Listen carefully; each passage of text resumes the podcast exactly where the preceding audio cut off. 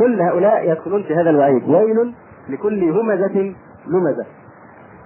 أيضا من الهمز واللمز ما يقع في بعض المسلمين أيضا. تجد بعض الناس يتكلم عن بعض الأحكام الشرعية بالهمز واللمز. يقول لك آه يا جماعة دول اللي ما لهمش غير السواك. وهو بينكد. الناس تضحك وتهكر السواك والقميص القصير والحجاب يا أخي نقاب ولا مش عارف كشف الوجه. يعني يذكر الكلام بطريقة مضحكة عشان الناس الجهلة. هم كمان إيه؟ يعني يتمادون في الضحك القائل والمستمع داخل في هذا الوعيد. له حظ من هذا الوعيد. إن سنة النبي عليه السلام ما اتت ابدا. ان إحنا يعني نضعها أمامنا بحيث نتفكه بها ونستدرج العوام إن هم يقعدوا يضحكوا عليها واضح؟ يعني فنختم هذا الكلام ب الكلام على حكم الاستهزاء بالشرائع عموما. لعل في ذلك يعني إنذار وتنبيه لأي شخص سواء من المسلمين أو من غيرهم يقع في هذا الفعل الشنيع. يقول الشيخ أبو الفيض أحمد بن السبوت بيتكلم على منكرات الممثلين منكرات الممثلين. يقول وكذلك يمثلون ذوي اللحى لما يجوا يعني يمسخروا في واحد ملتحي ولا حاجة في الأفلام والمسرحيات يقول لك واحد بطريقة مضحكة كده يلزقوا له لحيته في في وجهه لحيه صناعية ها وشعر مصطنع طبعا هذا من حيث إنه في وصل شعر. ملعون من وصل إيه الشعر؟ لعن الله الواصله والمستوصلة. اللي بتوصل شعرها لنفسها واللي بتقوم بهذه الإيه؟ العملية. ومن حيث السخرية من أهل اللحى كفر وارتداد عن الدين. السخرية بانسان لأن هو ملتحي لأنه بيطبق سنة النبي عليه السلام هذا كفر وارتداد عن الدين. لأنه ازدراء يعني احتقار. راجع إلى الشريعة الآمرة بإعفاء اللحى ولمخالفة الكفار في حلقها. إذ الملتحون متمسكون بدينهم وأوامر نبيهم صلى الله عليه وسلم. فالمزدري بهم لذلك. اللي بيحتقروا من أجل لحيته اللي بيهزأ منه ويلمزه ويغمزه مش لأن هو مثلا بينه وبينه خصومة أو أخذ فلوس أو عمل كذا لا لأن هو بيتمسك بالسنة. يقول كفر باتفاق أهل الإسلام. وقال النسفي في متن العقائد والاستهانة بمسائل الدين كفر والاستهزاء بمسائل الشريعة أيضا كفر. وقال الشيخ فالح محمد المالكي من استخف عاندا بنص ما عن النبي جاء كفرته العلماء. فليحذر المغرور بالتعصب من فتنته برده قول النبي صلى الله عليه وسلم. وقال الشيخ عبد الرحمن عبد الخالق الاستهزاء بإعفاء اللحية أو الصلاة. اللي يقول لك خدني على جناحك. مش عارف يقول تقول له صلي. يقول لك أنا بصلي على النبي. كل هذا الاستهزاء والسخرية من الشرائع يقول الاستهزاء بإعفاء اللحية أو الصلاة أو الحجاب الشرعي للمرأة أو المسجد أو الكعبة أو الرسول هو كفر بالله تبارك وتعالى. فكل ما ينسب إلى الله من أمر ونهي وذات الاستهزاء به والاعتراض عليه كفر ونقض للإيمان ويعني بالذات ما ينسب إلى الله من شرع كالكعبة والمسجد والمصحف. ها وطبعا من الحاجات الشائعة جدا اللي هي من أسباب الردة والعياذ بالله إن استخدام مثلا الجرائد استخداما مهينا. وبالذات النص على أنها كفر. لو انها استخدمت في إيه؟ في الاستنجاء من قضاء الحاجة. هذا أمر يغفل عنه الناس وهي مصيبة كبيرة من أسباب الردة. من أسباب الخروج من ملة الإسلام إنسان يستنجي مثلا بورقة إيه؟ جريدة لأن ورقة الجريده فيها أعلام محترمة ممكن تكون فيها آية أو واحد اسمه عبد الرحمن مش عارف محمد علي إلى آخر هذه الأشياء فيها أعلام محترمة وقد يكون فيها آيات أو أحاديث فايه استخدامها في مثل هذا الفعل لا شك أو امتهانها في اي وجه يعتبر العلماء من أسباب الردة وقد نص عليه في كتب الفقه والعقيدة. فالاستهزاء بالمسلم لإسلامه كفر. ولا يتأتى هذا من مسلم ابدا. لا يمكن يكون صادق يعني صادق في إسلامه حتى لو كان فاسق. إنه يستهزئ ويتنقص من شريعة الله عز وجل. قال الله عز وجل ان الذين اجرموا كانوا من الذين امنوا يضحكون. واذا مروا بهم يتغامزون. واذا انقلبوا إلى اهلهم انقلبوا فكهين. وإذا رأوهم قالوا إن هؤلاء لضالون وما ارسلوا عليهم حافظين. والاستهزاء بالمسلم قد يكون لصفه خلقية أو خلقية. فهذه معصية. لو واحد يستهزئ بالمسلم في شكله أو في أخلاقه هذه معصية غيبه أو اريه لقوله تعالى يا أيها الذين آمنوا لا يسخر قوم من قوم عسى أن يكونوا خيرا منهم. فإن كان هذا الاستهزاء موجها إلى خلق الله تبارك وتعالى. استهزاء مش اللي هو يعني في شكله أو في يعني أخلاقه لكن استهزاء لخلق الله نفسه يعني ال- ال- القدح والسب في في فعل الله ها؟ فهذا كفر لأن هذا من آيات الله عز وجل يعني حتى الانسان مهما كان وجهه ذميما أو قبيحا لابد اذا أو يعني يسن له أنه يقول كما ورد مطلقا لا مقيدا بالنظر في المرآة ها؟ اللهم كما حسنت خلقي أحسن خلقي? وقد يكون الاستهزاء بالمسلم من أجل إسلامه فيستهزئ به لتمسكه بشريعة من شرائع الإسلام أو لعمله عملا من أعمال الإيمان فهنا يتوجه الاستهزاء إلى الدين ويكون هذا العمل كفرا. قال رجل في غزوة تبوك ما رأينا مثل قرائنا هؤلاء؟ أرغب بطونا ولا أكذب أكذب ألسن ألسنا ولا أجمل عند اللقاء. يقصد بذلك الصحابة. فلما بلغ النبي صلى الله عليه وسلم القول ذهب الرجل يعتذر إليه قائلا إنما كنا نخوض ونلعب. إحنا كنا بننكت كنا بنهزر. إنما كنا نخوض ونلعب. فنزل قوله تعالى يحذر المنافقون أن تنزل عليهم سورة تنبئهم بما في قلوبهم. قل استهزئوا إن الله مخرج ما تحذرون. ولئن سألتهم ليقولن إنما كنا نخوض ونلعب. قل أبالله وآياته ورسوله كنتم تستهزئون لا تعتذروا قد كفرتم بعد إيمانكم. إن نعف عن طائفة منكم نعذب طائفة بأنهم كانوا مجرمين. والاستهزاء بالمسلم لإسلامه كفر لأنه في حقيقته استهزاء بالإسلام وطعن في شرعه. قال الله عز وجل فاليوم الذين آمنوا من الكفار يضحكون. الكفار اللي هم كانوا إيه؟ إذا لقوا الذين آمنوا يعني إذا إن الذين أجرموا كانوا من الذين آمنوا يضحكون وإذا مروا بهم يتغامزون. وقال عز وجل زين للذين كفروا الحياة الدنيا ويسخرون من الذين آمنوا. ومن هذا القبيل قول مجرمي زماننا هذا عن المؤمنين إنهم معقدون رجعيون متزمتون إلى آخره. فبهذه المنزلة معاداة المؤمن بسبب تدينه يقول الله عز وجل في الحديث القدسي من عاد لي وليا فقد بارزني بالمحاربة. من عاد لي وليا فقد بارزني بالمحاربة. وفي رواية أخرى فقد استحل محاربتي. في يعني رواية رواها الإمام أحمد في كتاب الزهد بإسناد بإسناده عن وهب بن منبه. وكان يحدث أحيانا عن أهل الكتاب لكن هي ممكن نستأنس فيها في هذا المقام وفيها أن الله عز وجل قال لموسى عليه السلام حين كلمه اعلم أن من أهان لي وليا أو أخافه فقد بارزني بالمحاربة وعاداني وعرض نفسه ودعاني إليها. وإن أسرع شيء إلي نصرة أوليائي. أفيظن الذي يحاربني أن يقوم لي؟ أو يظن الذي يعاديني أنه يعجزني؟ أم يظن الذي يبارزني أنه يسبقني أو يفوتني؟ كيف وأنا السائر لهم في الدنيا والآخرة؟ فلا أكل نصرتهم إلى غيري. يقول بعض الشعراء ذهب العصر الذي شيبنا وأتى عصر الشباب الملحدين عيرونا أن عبدنا ربنا وحفظنا عهده في الحافظين وعدوها لنا رجعية جعلوها تبة للمؤمنين. للمصلين إذا ما سجدوا من حديث السوء ما للصائمين. نسخ الأخلاق في شرعتهم أنها من ترهات الجامدين إن نقل دين يقول فتنة هاجها في مصر بعض المفسدين فسد الأمر فهل من مصلح؟ أصلحوه يا شباب المسلمين.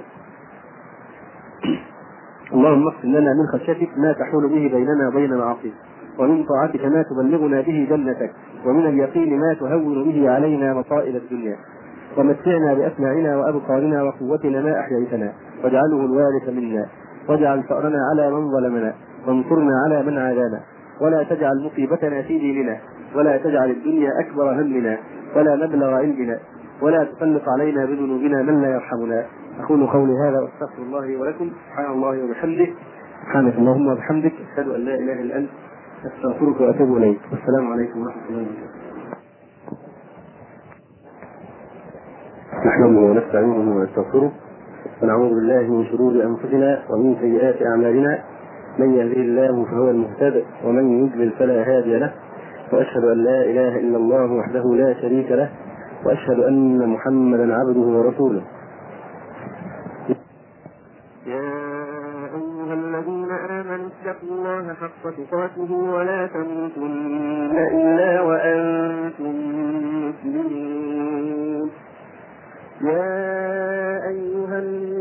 اتقوا ربكم الذي خلقكم من نفس واحدة وخلق منها زوجها وبث منهما رجالا كثيرا ونساء.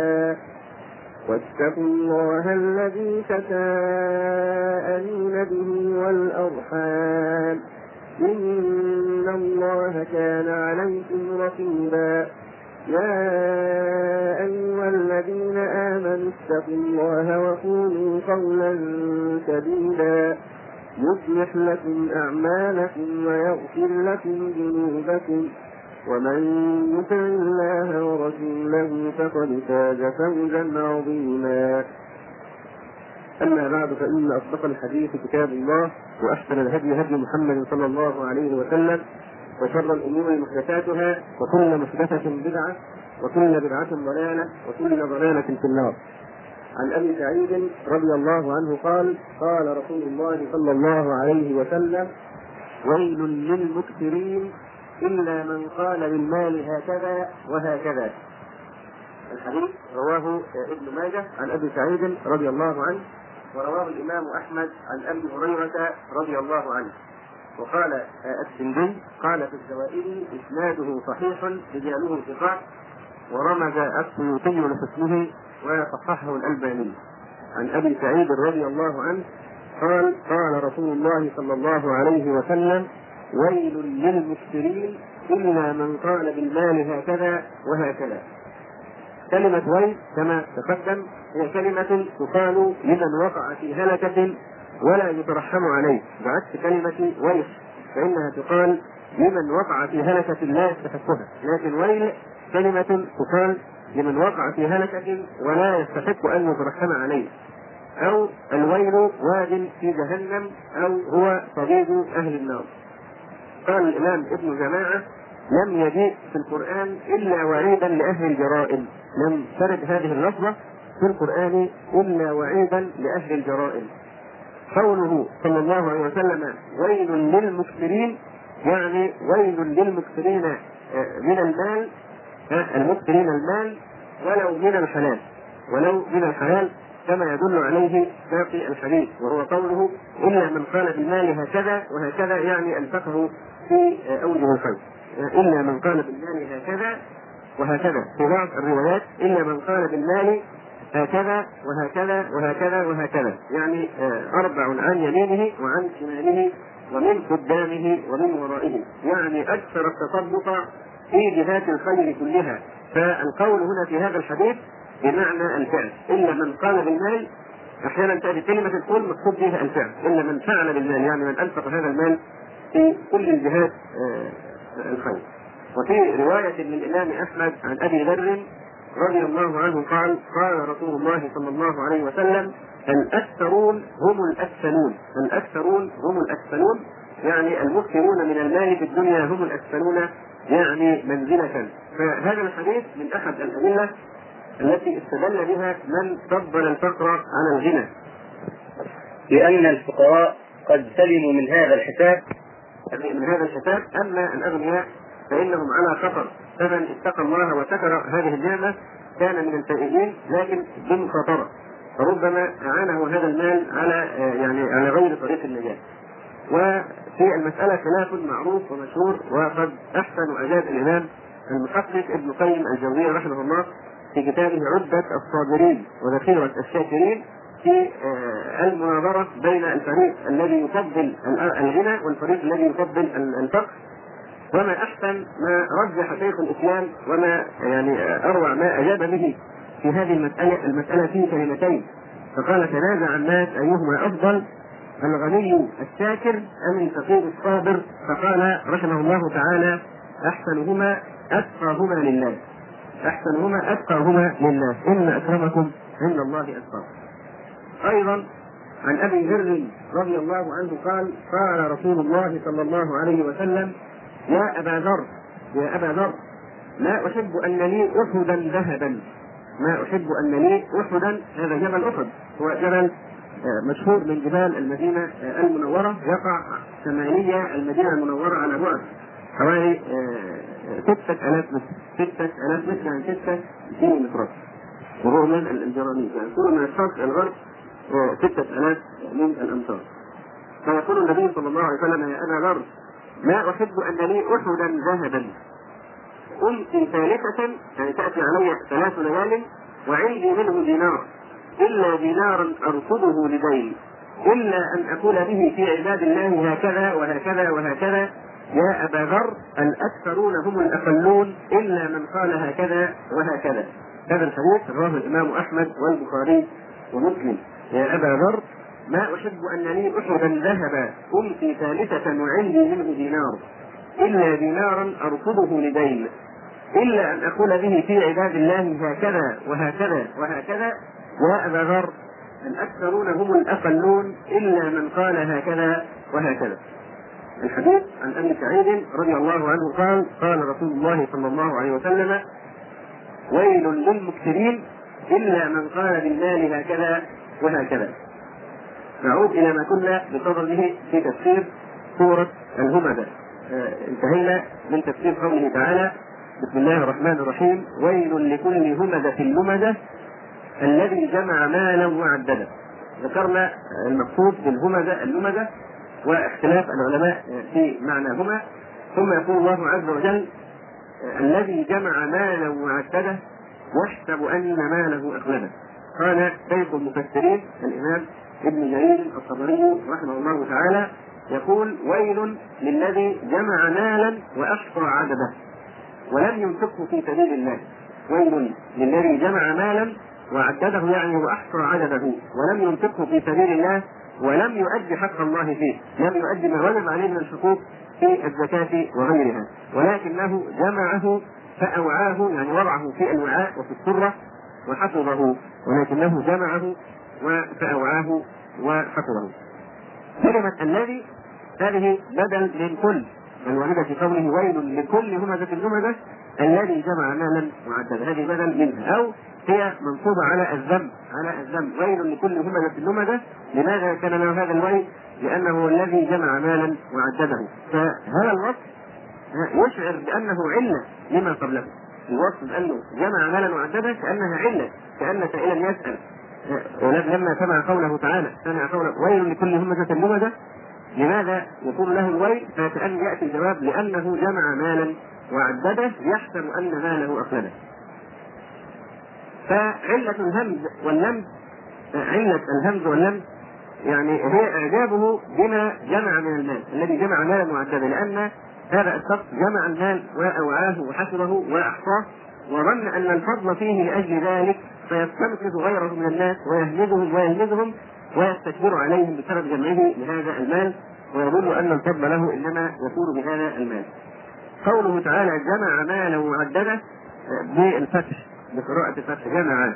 هناك قراءة أخرى الذي جمع مالا وعدده القراءة الأخرى كما سبق أن ذكرنا الذي جمع مالا وعدده بالتشديد فهي تفيد التكثير الذي جمع مالا يعني جمع مالا كثيرا.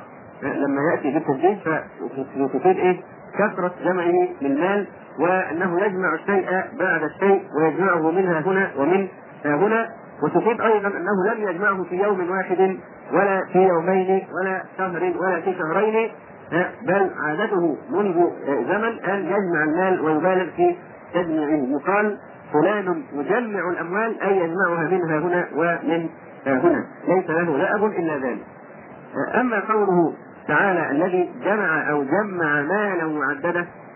فهذا التنكير في كلمة مالا الذي جمع أو جمع مالا يحتمل هذا التنكير أحد احتمالين إما أنه للتحقير.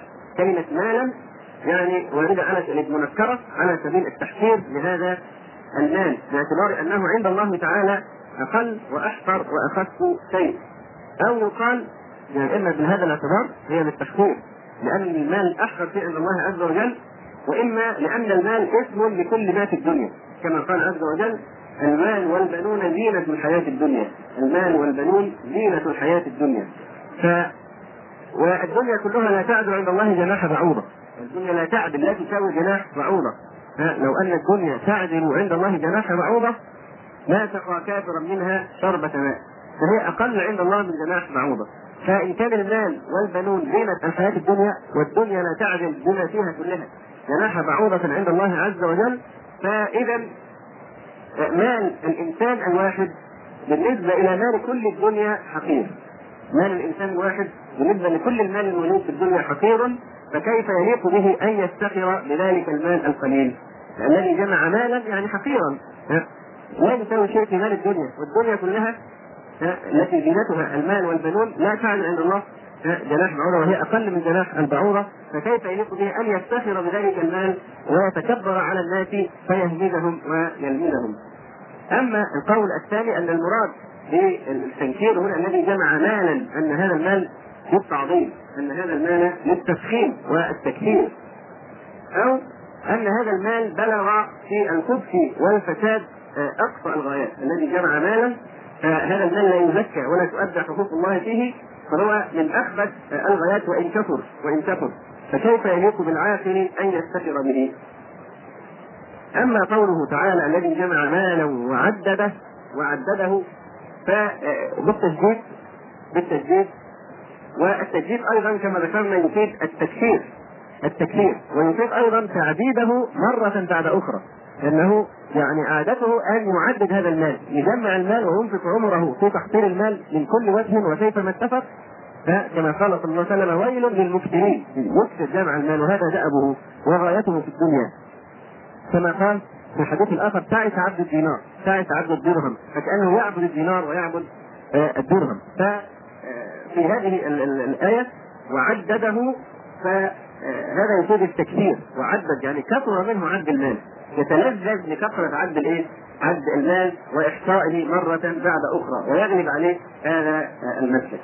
قال بعض العلماء إن كلمة وعدده مأخوذة من العدة مأخوذة من العدة والعدة هي الذخيرة هي الذخيرة يقال أعددت الشيء لكذا أعددت الشيء لكذا وعددته إذا أمسكته له وجعلته عدة وذخيرة لحوادث الدهر وقيل قال بعض العلماء أعده نعم يعني يزعم أنه أعده لنوائب الدهر مبرر جمع المال ومنع حق هذا المال بأنه إنما يجمعه لنوائب الدهر فيجعله عدة ومدخرا لمصائب الدهر ونوائبه. وقيل أعد ماله لمن يرثه من أولاده. وقيل أعده لما يكفيه في السنين. طبعا كل هذا الدم متوجه إلى ما منع حق هذا المال كما يأتي إن شاء الله.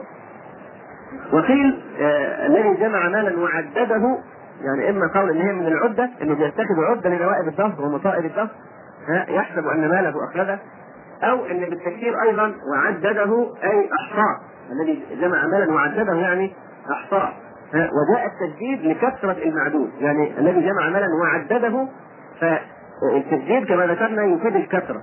فإما يفيد كثرة المال نفسه لأن المال كثير فبيقعد يعد كثير.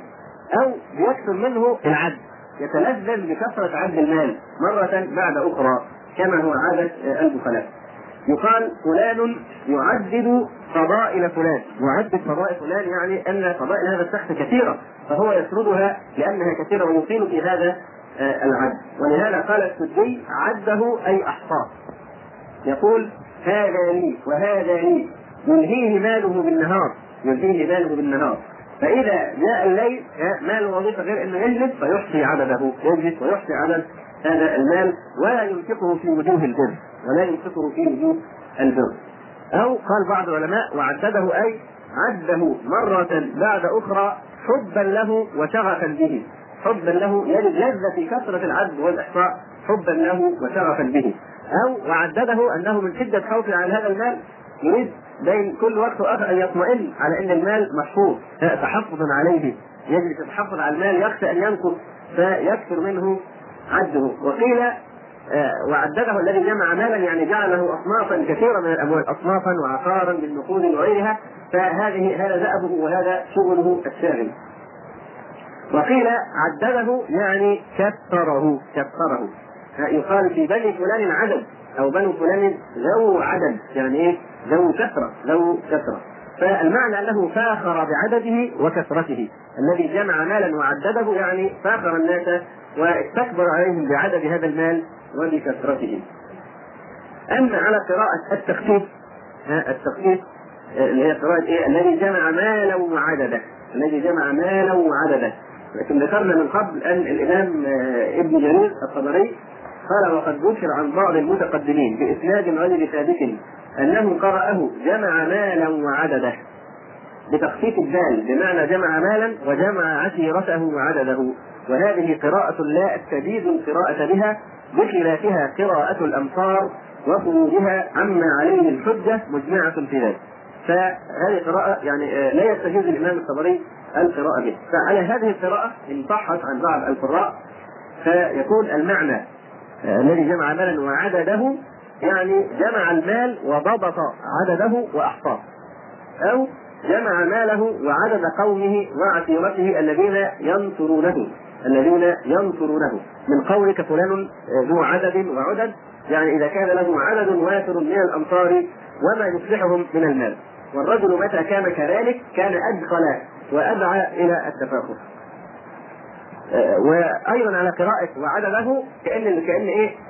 فعل عد قد فك ادغامه قد فك ادغامه خف في الادغام على خلاف القياس كما قال بعض الشعراء مهل مهلا اعاذل هل جربت من خلقي أني أجود لأقوام وإن ظننوا أصلها وإن ظنوا فكذلك وعده فقال وعدده كأنه خفف الادغام فالمقصود في هذه الآية الذم على جمع المال وإمساكه عن سبيل الطاعة. هذا هو المقصود بالذم. ذم الشخص الذي يجمع المال ويمسكه عن طاعة الله عز وجل وعدم إنفاقه في سبل الخير وذلك نظير قوله تعالى مناع للخير معتد أثيم. مناع للخير. يعني الخير هنا المال. إن ترك ان ترك خيرا يعني إن ترك مالا. وإنه لحب الخير لشديد وهو المال. مقصود به المال في الآية. واضح؟ فمناع للخير أي مناع يكثر منه المنع. لحقوق الله عز وجل في هذا المال كالزكوات والصدقات والحج وغيرها.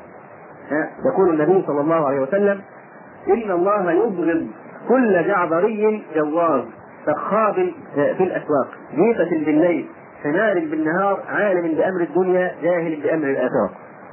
إن الله يبغض يعني يكره كل جعبري. الجعبري هو الشخص الفظ الغليظ المتكبر على الناس. إن الله يبغض كل جعبري جواز الجواز الجموع المنوع. يعني الجموع المقصود هذه الآية. يكثر جمع المال ثم يمنع ويبالغ في منع حقوق هذا المال من الصدقات وغيرها. إن الله يبغض كل جعبري جواز فخاب في الأسواق يعني ذو صخب وجلبة ورفع صوت. جيفة بالليل حمار بالنهار. جيفة بالليل لا يذكر الله عز وجل كأنه خشب مسنده حمار بالنهار يعني في في السعي والكد على طلب الدنيا مع الغفلة عن الدين والصلوات وحقوق الله عز وجل. جيفة بالليل حمار بالنهار عالم بأمر الدنيا. عالم بأمر الدنيا. جاهل بأمر الآخرة. يفرح بما عنده من العلم الدنيا ومع أنه واقع في أقبح أنواع الجهل وهي الجهل بأمر الآخرة الذي يخلد فيه ولا يعرف ما يكون مصيره، لا يعرف كيف يجيب الملائكة في القبر وكيف يسأل وماذا يحدث في الجنة وماذا في النار، لا يعرف كيف يؤمن بالله وملائكته وكتبه ورسله واليوم الآخر، لا يعرف كيف يصلي، كيف يتوضأ، لكن أنواع المأكولات، أنواع الاحساب، أنواع الأقمدة، أنواع السيارات وأسعارها وأسماء فرق الكره وأسماء اللي بيلعبوا واسماء الحكم وأسماء المباريات بكل الكرة الأرضية قاعد يتابعها ها وجاهل بأمر الاخره جاهل بأمر أسماء الممثلين وأسماء الأفلام كل هذا الفساد وكل هذه الأشياء التي لا تغني عنه شيئا يعني يتفاخر بعلمه فيها. وجاهل بامر الإيه؟ بامر الاخره. أيضا هذا يكون نظير قوله تعالى وجمع فأوعى. وجمع فأوعى. جمع يعني جمع المال. هذه إشارة إلى الحرص الحرص على المال. فأوعى جمع المال فأوعى. أوعى يعني حفظه في الوعاء وشد عليه الوعاء حتى يحفظه في الخزينة أو الكيس أو كذا. فجمع فأوعى.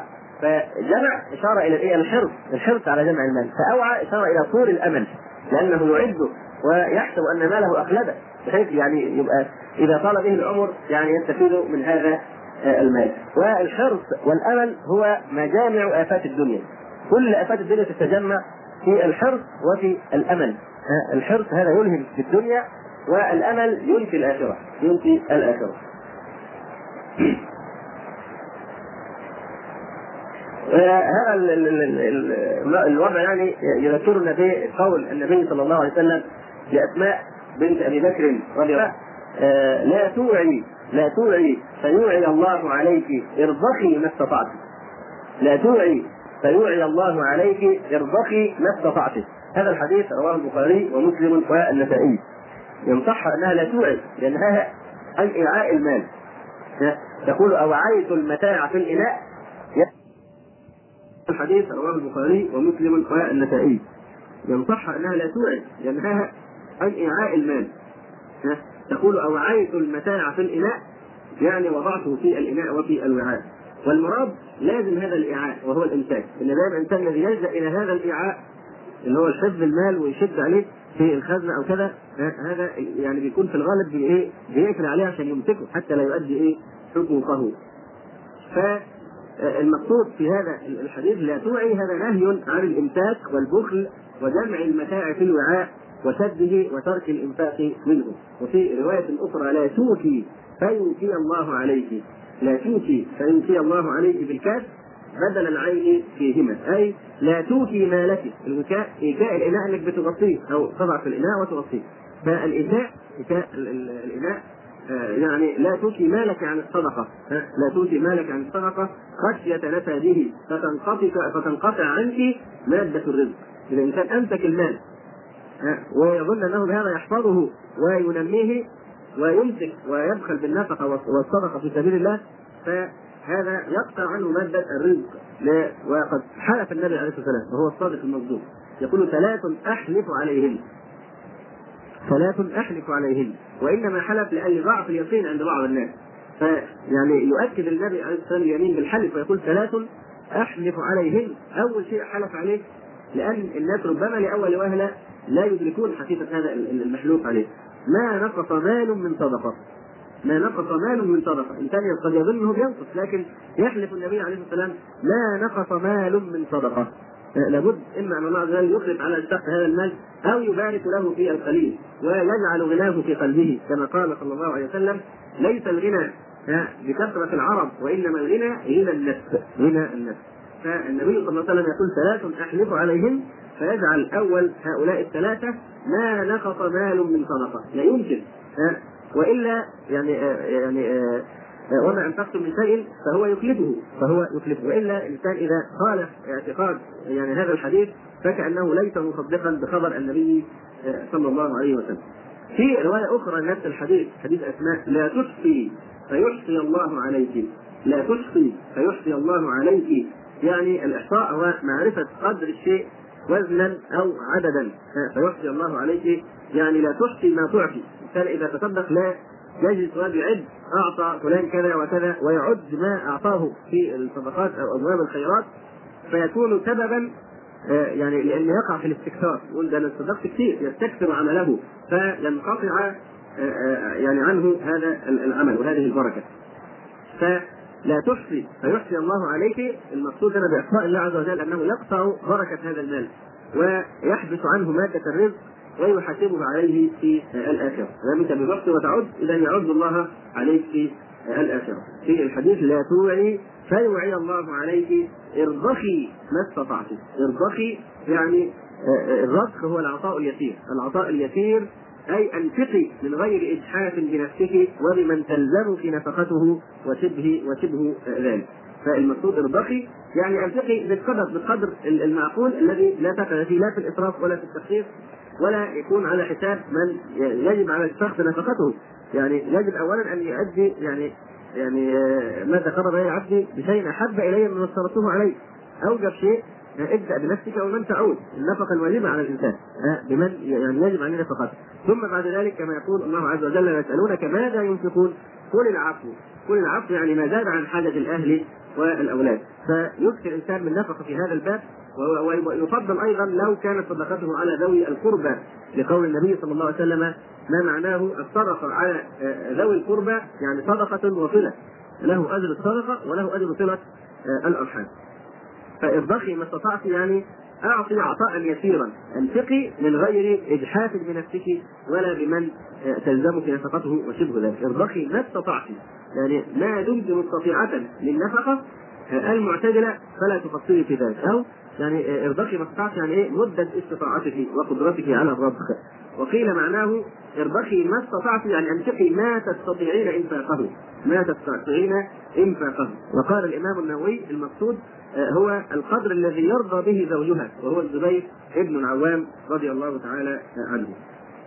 قيل أيضا إن المقصود بالاحصاء لا تحصي فيحصي الله عليك هو ما تجلسيش تعدي تقعدي تعدي فلوس كل شوية لا العد والإحصاء. خوفا إن البركه إن البركة تنزع منه بكثرة الإيه؟ العد كما قالت عائشة رضي الله عنها في طعام كان عندها، كان عندها طعام وظلت تأكل منه مدة كبيرة من غير ما تعد وغير ما تحسبه أو تشيله توزنه أو بالمكيال يعني تشيله. ف يعني فاكتالته تقول عائشة حتى كلناه ففانيا بقي المال على بركته وعلى نمائه ومهما أخذوا لا ينقص وربما يزيد حتى كلناه اكتالوه وأحصوه ووعوه ففني ففني هذا المال فبعض العلماء حمل النهي عن الإحصاء على هذا المال يعني سيبها كده بالإيه؟ بالبركة. يعني نعم. ف يعني هذا الحديث أيضا مما يعني يحرض يعني يحرض الناس على الإنفاق وعدم امساك المال وعلى يقين أن الله عز وجل سوف يخلف عليه هذا المال. فالآية أيضا التي نحن نصورها الذي جمع مالا وعدده، الذي جمع مالا وعدده، كل هذه النصوص تفيد يعني ذم الامساك، الإنسان. يجيب ماله ويشد عليه السره، إيه معنى؟ فأوعى يعني بيقفل عليه جامد لأنه ناوي يدخره وناوي ما يخرجوش ولا زكاة ولا صدقة ولا يخرج في حج ولا في طلب علم ولا في صلة رحم ولا كذا ولا كذا بل ربما يبخل على أقرب الناس إليه. هذا دؤية دؤية ابن النضر. تلوم زوجته طريفة على جوده الذي لا يبقي من المال شيئا. كان رجلا جوادا فتعاتبه زوجته على هذا الجود فيقول لها قالت طريفة ما تبقي دراهمنا وما بنا سرف فيها ولا خرق. فليرد هو لها إن إذا اجتمعت يوما دراهمنا ظلت إلى طرق المعروف تستبق لا يألف الدرهم المضروب سرتنا يعني الدرهم اللي بيدخل السر عندنا ما بيلحقش إيه؟ يمكث فيها. لا يألف الدرهم المضروب سرتنا لكن يمر عليها وهو منطلق حتى يصير إلى نجل يخلده يكاد من صره إياه ينمزق من كثر الشد عليه كاد يتقطع من إيه؟ من شدة الحرص والإعاء.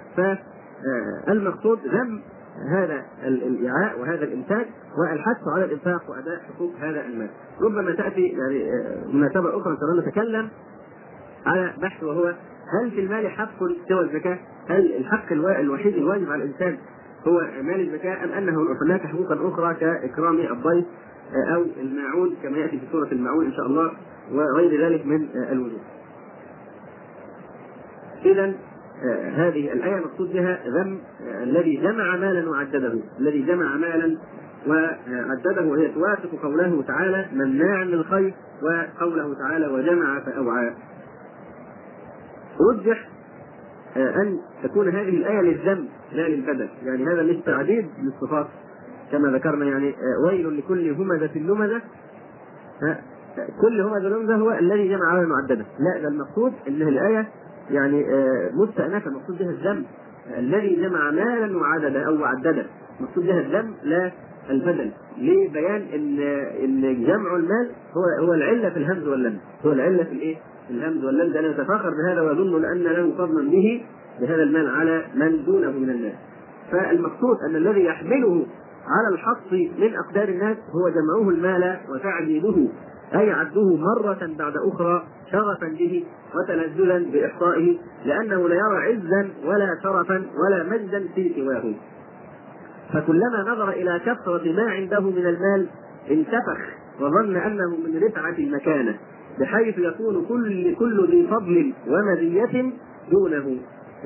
كل إنسان حتى مهما حاز من الشرف فهو دون هذا الشرف الذي حازه بالمال. فإذا هو يهيبه ويلمزه ويهزأ به. ثم لا يخشى أن أن تصيبه عقوبة على الهمز واللمز وتمزيق العرض لأن غروره بالمال أنساه الموت وصرف عنه ذكر المآل فهو يحسب أن ماله أخلده. أي يظن أن ماله الذي جمعه وأحصاه ودخل بإنفاقه مخلده في الدنيا فمزيل عنه الموت. هنا تنبيه مهم وهو أن المقصود بالذنب في هذه الآية ليس يعني الذم مش وارد إن هو الذي جمع مالا آه الذي جمع مالا. جمع المال في ذاته ليس إيه ليس مذموما كما نتكلم إن شاء الله الآن. لكن الذم إيه منصب على إيه؟ ها وعدده يحسب أن ماله أخلده. ها يعني جمع مالا هذا يعني صفه عادية. يعني إلا إذا كان جمع المال يترتب عليه الحط من أفكار الناس والهمز واللمس. لكن الذم منصب على قوله تعالى وعدده يحسب أن ماله أخلده. يحسب أن ماله أخلده. فالمقصود هنا من جمع المال ولم يؤدي حق الله فيه شحا وبخلا. شيخ الإسلام ابن تيمية رحمه الله تعالى سئل عن معنى قول من يقول حب الدنيا رأس كل خطيئة. حب الدنيا رأس كل خطيئة. فهل هي من جهة المعاصي أو من جهة جمع المال؟ حب الدنيا رأس كل خطيئة. هل بسبب المعاصي أم بسبب جمع المال؟ قال رحمه الله ليس هذا محفوظا عن النبي صلى الله عليه وسلم. هذا ليس بحديث حب الدنيا رأس كل خطيئة. ولكنه معروف عن جندب ابن عبد الله البجلي رضي الله عنه من الصحابة. ويذكر عن المسيح ابن مريم عليه السلام. وأكثر ما يغلو في هذا اللفظ المتفلسفة ومن حذا حذوهم من الصوفية. على أصلهم في تعلق النفس إلى أمور ليس هذا موضع بسطها يقول وأما حكم الإسلام في ذلك فالذي يعاقب الرجل عليه الحب الذي يستلزم المعاصي. الذي يعاقب عليه الإنسان من حب المال أو حب شيء من الدنيا فهو الحب الذي يستلزم أن يوقعه في المعاصي. فإنه يستلزم الظلم والكذب والفواحش. ولا ريب يعني حب المال مثلا يدفع الشخص إلى الرشوة إلى السرقة إلى الربا فهذا إيه؟ هو يدخل تحت قوله رأس كل خطيئه رأس كل خطيئه لكن حب المال لإنفاقه في الطاعات أو في النفقات الواجبات فليس في من الذم في شيء. يقول رحمه الله فالذي يعاقب الرجل عليه الحب الذي يستلزم المعاصي فإنه يستلزم الظلم والكذب والفواحش ولا ريب أن الحرص على المال والرياسة يوجب هذا. كما في الصحيحين أنه صلى الله عليه وسلم قال إياكم والشح فإن الشح أهلك من كان قبلكم أمرهم بالبخل فبخلوا وأمرهم بالظلم فظلموا وأمرهم بالقطيعة فقطعوا. وعن كعب عن النبي صلى الله عليه وسلم أنه قال ما ذئبان جائعان أرسلا في غنم بأفسد لها من حرص المرء على المال والشرف لدينه فكأنه قيل بأفسد لأي شيء قيل لدينه فمقصود الحديث أن الحرص على المال والشرف أي الجاه والمنصب أكثر إفسادا للدين من إفساد الذئبين الجائعين للغنم لأن ذلك الأثر والبصر يستفز صاحبه ويأخذ به إلى ما يضره وذلك مذموم لاستدعائه العلو في الأرض والفساد المذمومين شرعا. فساد الدين يوجب فساد الشرف يعني الجاه وهذه الأشياء. فأما مجرد الحب الذي في القلب حب الذي في القلب إذا كان الإنسان يفعل ما أمره الله به ويترك ما نهى الله عن الله عنه ويخاف مقام ربه وينهى النفس عن الهوى فإن الله لا يعاقبه على مثل هذا إذا لم يكن معه عمل وجمع المال إذا قام بالواجبات إذا الإنسان جمع المال وقام بالواجبات في هذا المال ولم يكتسبه من الحرام. لا يعاقب عليه لا يعاقب عليه. لكن إخراج فضول المال هذا هذه درجة الإيه؟ السلامة. يعني لا له ولا عليه. لكن في أفضل منها وهو أن يتخلص من فضول المال لا يكذب فضول المال ويقتصر على الكفاية. هذا أفضل وأسلم وأفرغ للقلب وأجمع للهم وأنفع في الدنيا والآخرة. فهذه درجة أعلى وهي إنفاق فضول المال في وجوه البر والخيرات. وقال النبي صلى الله عليه وسلم من أصبح والدنيا أكبر همه شتت الله عليه شمله.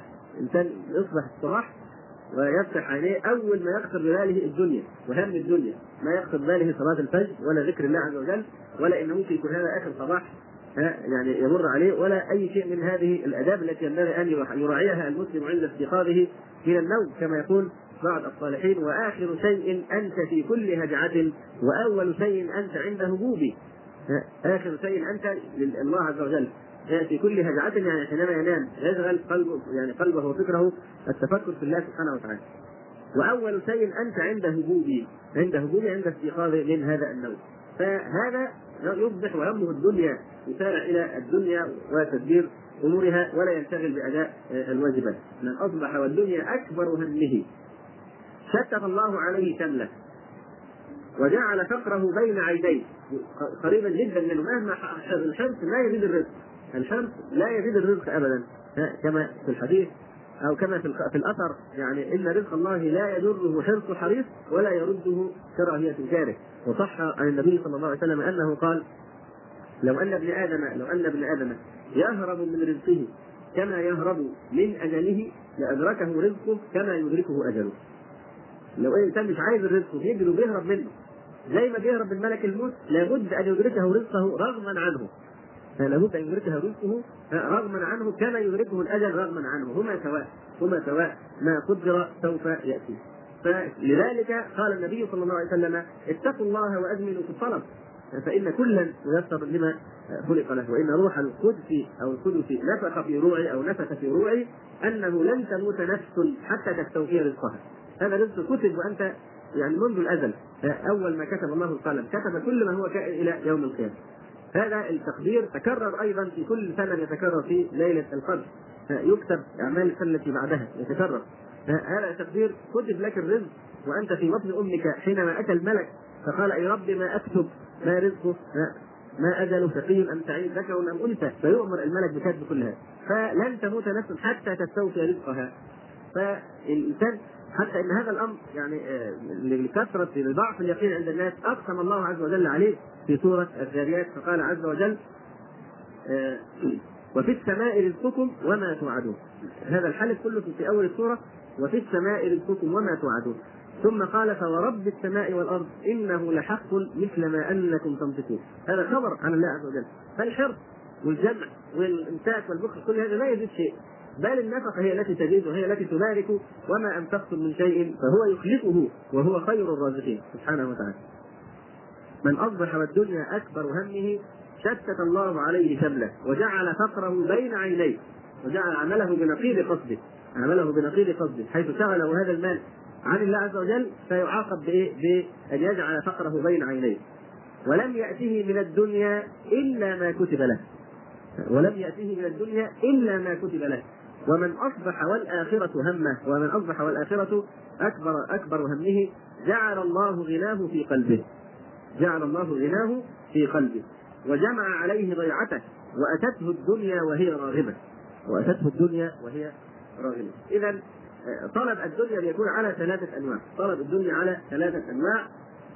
الأول من يتناولها على أي وجه اتفق.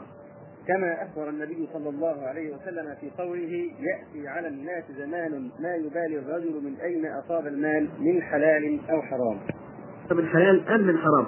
حيثما اتفق له المال فإنه حريص عليه، فهذا يجمع الدنيا من أي وجه اتفق له هذا الوجه من حلال من حرام من رشوة من ربا من كذا فلا يتفكر في المآل ولا يخاف حساب الله عز وجل لأنه يحسب أن ما له وإياه قصد الله تعالى بهذه الآية. الذي جمع مالا وعدده يحسب أن ما له أخلده. وهم المذكورون في قوله تعالى والذين كفروا يتمتعون ويأكلون كما تأكل الأنعام والنار مثوى لهم النوع الثاني في طلب الدنيا من يتناولها على وجه يجب عليه تناوله يجب عليه تناوله. وذلك إذا اقتصر على ما لا يمكن التبلغ أو التبليغ بأقل منه من الوجه الذي يجب كما يجب. النوع الثالث من يتوسع في تناول الدنيا ويكون في سواء في توسعه وتناوله الدنيا وكيلا لله سبحانه وتعالى فيقتصر منه لنفسه على تناول بلغته ويجعل الباقي ينفق فضول الأموال مصروفا إلى ما دعي إليه. فالشخص الأول هذا المفرط، الثاني هو المتوسط. أما الثالث فهو الأفضل وتحقق يعني وبهذا في المسلك إذا أخذ البلغه من الدنيا وأنفق ما فضل في وجوه الخيرات فإنه يصير بذلك من خلفاء الله تعالى الذين استخلفهم وانفقوا مما جعلكم مستخلفين فيه. وآتوهم من مال الله الذي آتاكم. من مال الله الذي اتاه يقول الله عز وجل يعني هذا الشخص يتحقق أو هذين الشخصين الآخرين ما على المحسنين من سبيل. يتحقق فيهما قوله تعالى وابتغ فيما آتاك الله الدار الآخرة وقوله تعالى قل من حرم زينة الله التي أخرج لعباده والطيبات من الرزق إذا هذه الدنيا تناولها هنيئة مليئة لا حرج عليه في تناولها ولا في جمعها. أما قوله تعالى في هذه الآية نقف وقفة معها بسيطة وهي قوله تعالى ولا تنس نصيبك من الدنيا. وأحسن آه، وابتغ فيما آتاك الله الدار الآخرة. يعني ابتغي الدنيا الآخرة بعام من إيه؟ من خلال الدنيا. ابتغي فيما آتاك الله من الدنيا الدار الآخرة الدار الخالدة؟ ولا تنس نصيبك من الدنيا. وأحسن كما أحسن الله إليك. ولا تبغي الفساد في الأرض. فقوله تعالى ولا تنس نصيبك من الدنيا. ما المقصود بقوله ولا تنس نصيبك من الدنيا؟ بعض آه، المفسرين قالوا لا تنس نصيبك من الدنيا يعني كأن هذه نوع من الشدة في الوعظ من الشدة في الزجر والوعظ فكأن المقصود يعني لا تنس نصيبك من الدنيا الذي ستخرج به من الدنيا هو العمل الصالح هذا هو حقيقة هو نصيبك من الإيه؟ من الدنيا، العمل الصالح آه، واستثمار العمر في طاعة الله عز وجل، هذا هو النصيب الحقيقي الذي يفوز به من خرج من الدنيا طائعا لله عز وجل. فريق آخر من العلماء قالوا بل آه، هذه الآية فيها نوع من الرفق من الرفق مع الموعود من الرفق به والتلطف به والترغيب له؟ يعني أن آه، تبشره بأن التزامه بطاعة الله لن تحرمه بالحلال وبالمباحات من الطيبات حتى تؤلف قلبه وتجتنب نفوره من دعوتك فقالوا لا, لا تنس نصيبك من الدنيا يعني لا تضيع حظك من دنياك في تمتعك بالحلال وطلبك إياه ونظرك لعاقبة دنياك. كالأكل والشرب واللباس بغير طرف وبغير مخيلة ولا تنس نصيبك من الدنيا. كل من حرم زينة الله التي أخرج لعباده والطيبات من الرزق. قل هي الذين آمنوا في الحياة الدنيا خالصة يوم القيامة. والقول الثالث لا تنس نصيبك من الدنيا كأن هذا فيه آه، نوع من الوعظ المتصل بعد الوعظ الايه السابق. لا تنس نصيبك من الدنيا وهو الكفن لا تنس نصيبك اللي هتخرج من الدنيا. بما يخرج الإنسان من الدنيا بالكفن بالكفن يقول يعني كأنهم يقولون لا تنس أنك يعني تجمع المال وتوعيه وتحصيه وتتعب نفسك فيه ثم تتركه للورثة. لهم غرمه وعليك غرمه. أنت الذي تحاسب عليه. وهم ياكلونه هنيئا مريئا. تخرج أنت من الدنيا بعد أن تترك جميع مالك. ها؟ والنصيب الذي تخرج منه من كل هذا المال الذي جمعته هو المال الذي اشترى به الكفن؟ الذي اشترى به كفن فهذا نصيبك من الدنيا؟ يقول بعض الشعراء نصيبك مما تجمع الدهر كله رداءان تلوى فيهما وحنوط نصيبك مما تجمع الدهر كله رداءان تلوى فيهما وحنوط وقال الآخر هي القناعة لا تبغي بها بدلا. فيها النعيم وفيها راحة البدن. انظر لمن ملك الدنيا بأجمعها. هل راح فيها هل راح منها بغير القتل والكفن؟ جمع الدنيا بأجمعها. ما راح منها إلا بالقتل والكفن. فهذه الوجوه الثلاثة في تفسير قوله تعالى ولا تنسى نصيبك من الدنيا. فهؤلاء الذين يعني يجمعون المال من الحلال وينفقونه في حلال ويقتصدون أو يعني يأخذون البلغ فقط من الدنيا ما يبلغهم وما يقوتهم ثم ينفقون فضول أموالهم ابتغاء مرضات الله عز وجل هؤلاء من الذين قال الله فيهم ولقد كتبنا في الزبور من بعد الذكر أن الأرض يرثها عبادي الصالحون. أن الأرض يرثها عبادي الصالحون ويرثوها يعني يتمتعون بها. فجعلها لهم جعلها لهم. ثم قال إن في هذا إن في هذا لبلاغا لقوم عابدين أي من تحرى عبادة الله تعالى في تناول الدنيا فإنه يبلغ بذلك المقصود. المقصود في قوله تعالى وأن إلى ربك المنتهى. فهي بلاغ يعني شيء تتبلغ به وتستعين به حتى تصل إلى الغاية وهي المنتهى. وأن إلى ربك المنتهى والمصير. وقال عز وجل ليس عليكم جناح ان تبتغوا فضلا من ربكم. ليس عليكم جناح أن تبتغوا فضلا من ربكم. فهذا الفضل هو الإحسان. فنبه بذلك على أن تناول المال إذا تحرى به الوجه الذي يجب. كما يجب فهو فضل وإحسان. قال الله عز وجل في مدح قوم يتناولون الدنيا كما يجب وكما يحب الله. رجال في هذه المساجد يعني في بيوت أذن الله أن ترفع ويذكر فيها اسمه يسبح له فيها بالغدو والآصال رجال لا تلهيهم ما قالش مش بيتاجروا ها؟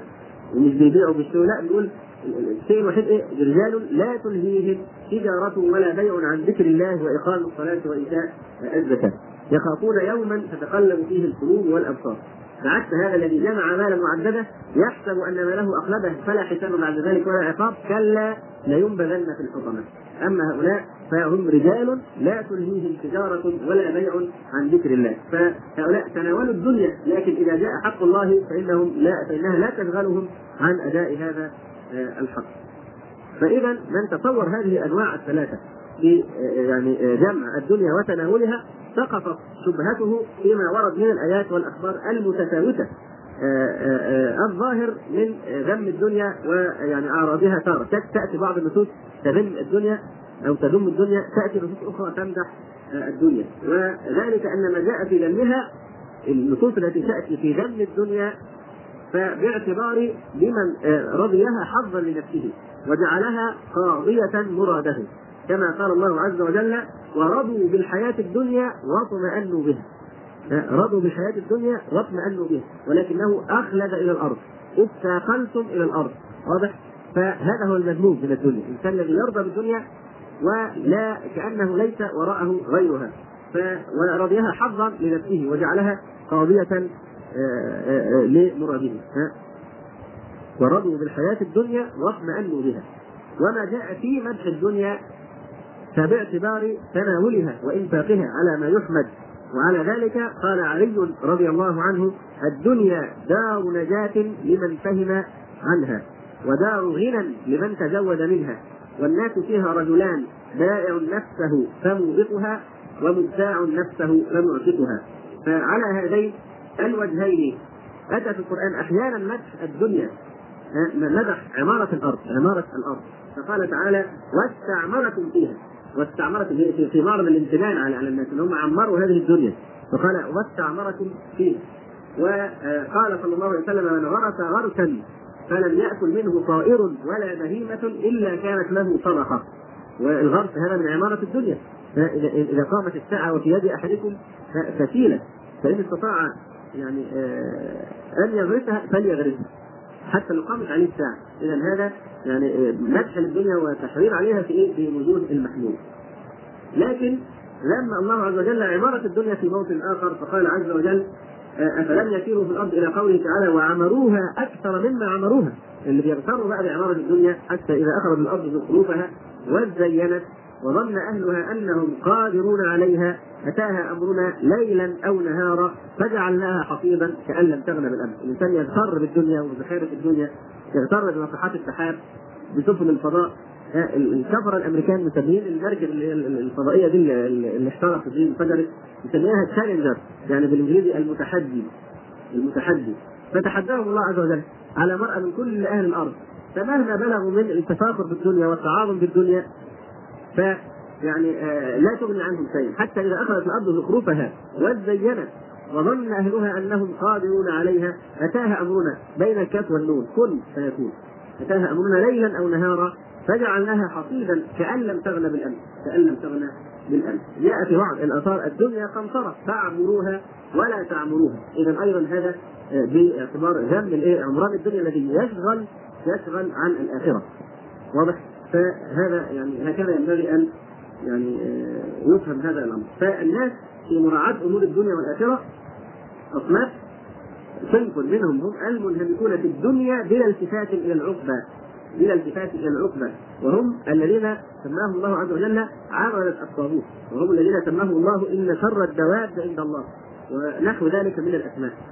إنهم إلا كالأنعام بل هم أضل. وصنف مخالفون لهم غاية المخالفة.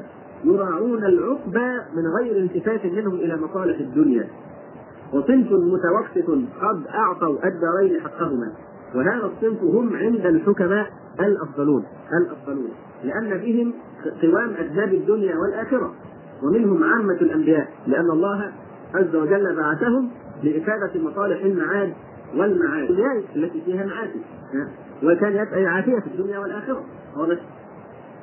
ولأن أمورهم مبنية على الاعتدال الذي هو أشرف الأحوال. وكما يصلح أن يشتغل الإنسان بامر دنياه وبدنه على حساب دينه كذلك يقبح يقبح أن يضيع الجزء الآخر الذي هو بدنه لأن آه، لأنه يصير مضادا لله تعالى في إبطال ما اوجده وأتقنه. فينبغي الحرص على يعني آه، مصالح الدنيا التي بها قوام المعيشة التي الإنسان يحافظ على صحته على آه، يعني ما يعينه على طاعة الله عز وجل. لكن لا يشغله هذا عن الآخرة وعن أداء حقوق الله آه، في ذلك. ومن نكتفي بهذا القدر فيما يقول الله عز وجل ويل لكل همزة لمزة الذي جمع مالا وعدده يحسب أن ماله أخلده. يحسب أن ماله أخلده. هذه الجملة إما جملة حالية جملة حالية أو أنها جملة استئنافية. حالية يعني إيه؟ الذي جمع مالا وع- وعدده فحالته وهو يجمع هذا المال ويعدده أنه إيه؟ يحسب حالة كونه إيه؟ لأن ماله يظن أن ماله أخلده ف أو أن